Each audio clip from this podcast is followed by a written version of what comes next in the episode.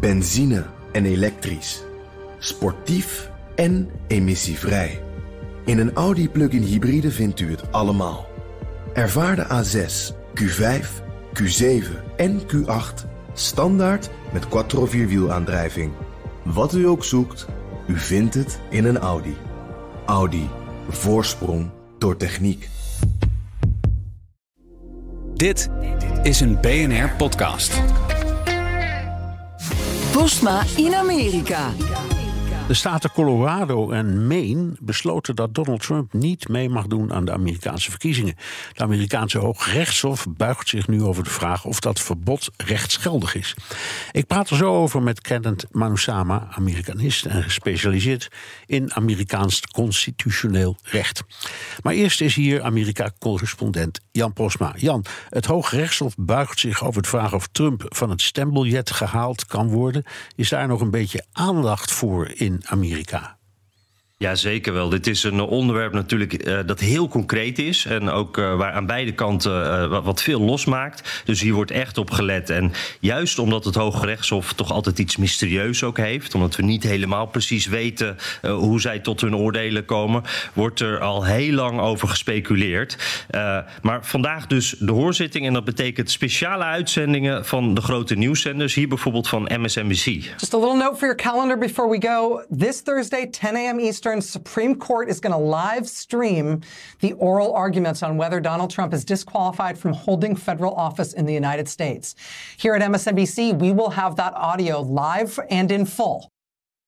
Ja, eh, in het eh, Hoge Rechtshof mogen natuurlijk geen camera's. Eh, maar er wordt wel audio gestreamd. En dus krijgen we de bijzondere situatie dat rond 4 uur vanmiddag Nederlandse tijd.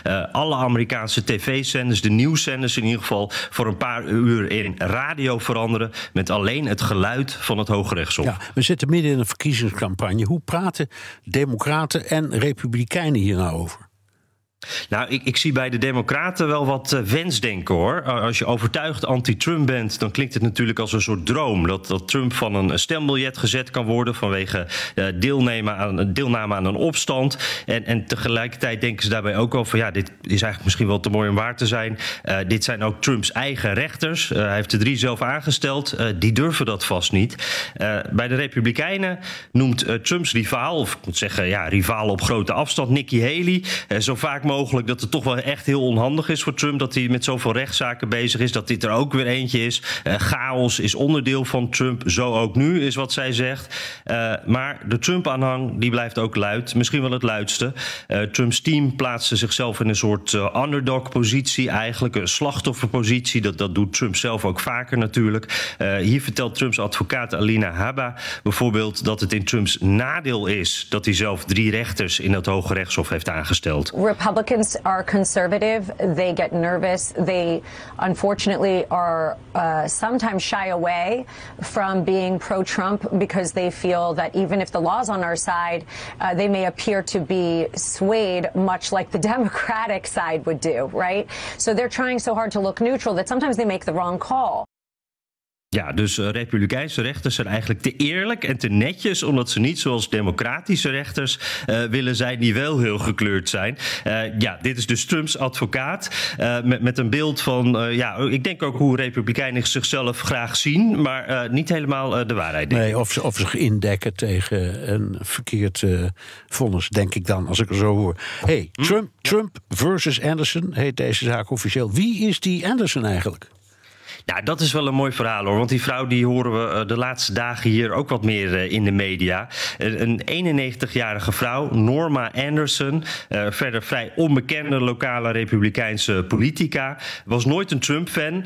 Maar op 6 januari 21 bij de bestorming stond, zat ze met tranen in de ogen te kijken voor de televisie. En ze dachten, ja, dit, dit mag nooit meer gebeuren. En ze heeft altijd een zakversie van de grondwet bij zich. Zo'n klein boekje.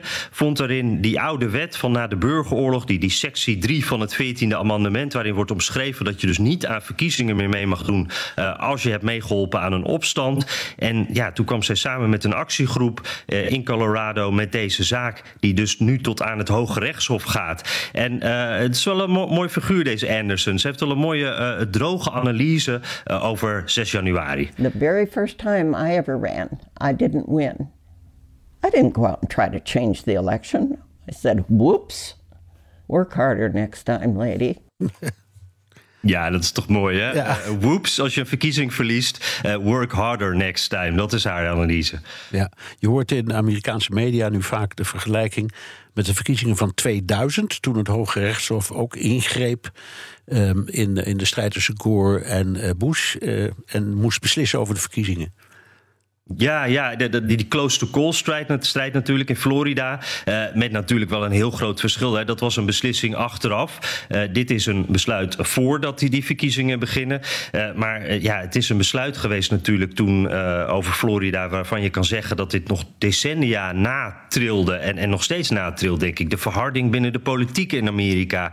De, de, de, geen zin hebben in compromissen... omdat er een soort eeuwige strijd gaande is tussen die twee partijen. Ehm, er zijn meer momenten de laatste jaren geweest. Maar ik denk dat 2000 dat dat echt uh, ja, daaraan heeft uh, bijgedragen aan het huidige politieke klimaat. En om, om de cirkel hier dan even rond te maken. Uh, 6 januari, maar dan 6 januari 2001. Uh, toen stond de verliezende kandidaat Al Gore in het congres om de uitslag te certificeren. En zijn partijgenoten waren boos en die kwamen met klachten. Is the objection uh, in writing and signed by a member of the House and a senator. The objection is in writing, and I don't care that it is not it is not signed by a member of the Senate. The uh, the chair will advise that the rules do care, and uh, the the signature of the senator. Yeah. Ja, er was uh, geen senator te vinden die die klachten wilde steunen. Dus Gore, die gaat als voorzitter, de Mike Pence van die tijd, zeg maar, gaat stug door. En als er dan weer een partijgenoot boos is, uh, dan zegt hij, ja, uh, bedankt voor deze emotie. Maar ja, dan staat hij daar van, ja, hey, bedenk je eens hoe ik me voel. The gentleman will suspend. The chair thanks the gentleman from Illinois, but Hey. Ja, ja, ja andere tijden, Bernard. Andere tijden. Dank, Amerika-correspondent Jan Postma. Benzine en elektrisch. Sportief en emissievrij. In een Audi plug-in hybride vindt u het allemaal.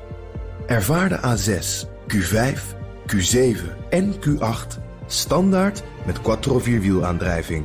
Wat u ook zoekt, u vindt het in een Audi. Audi. Voorsprong door techniek.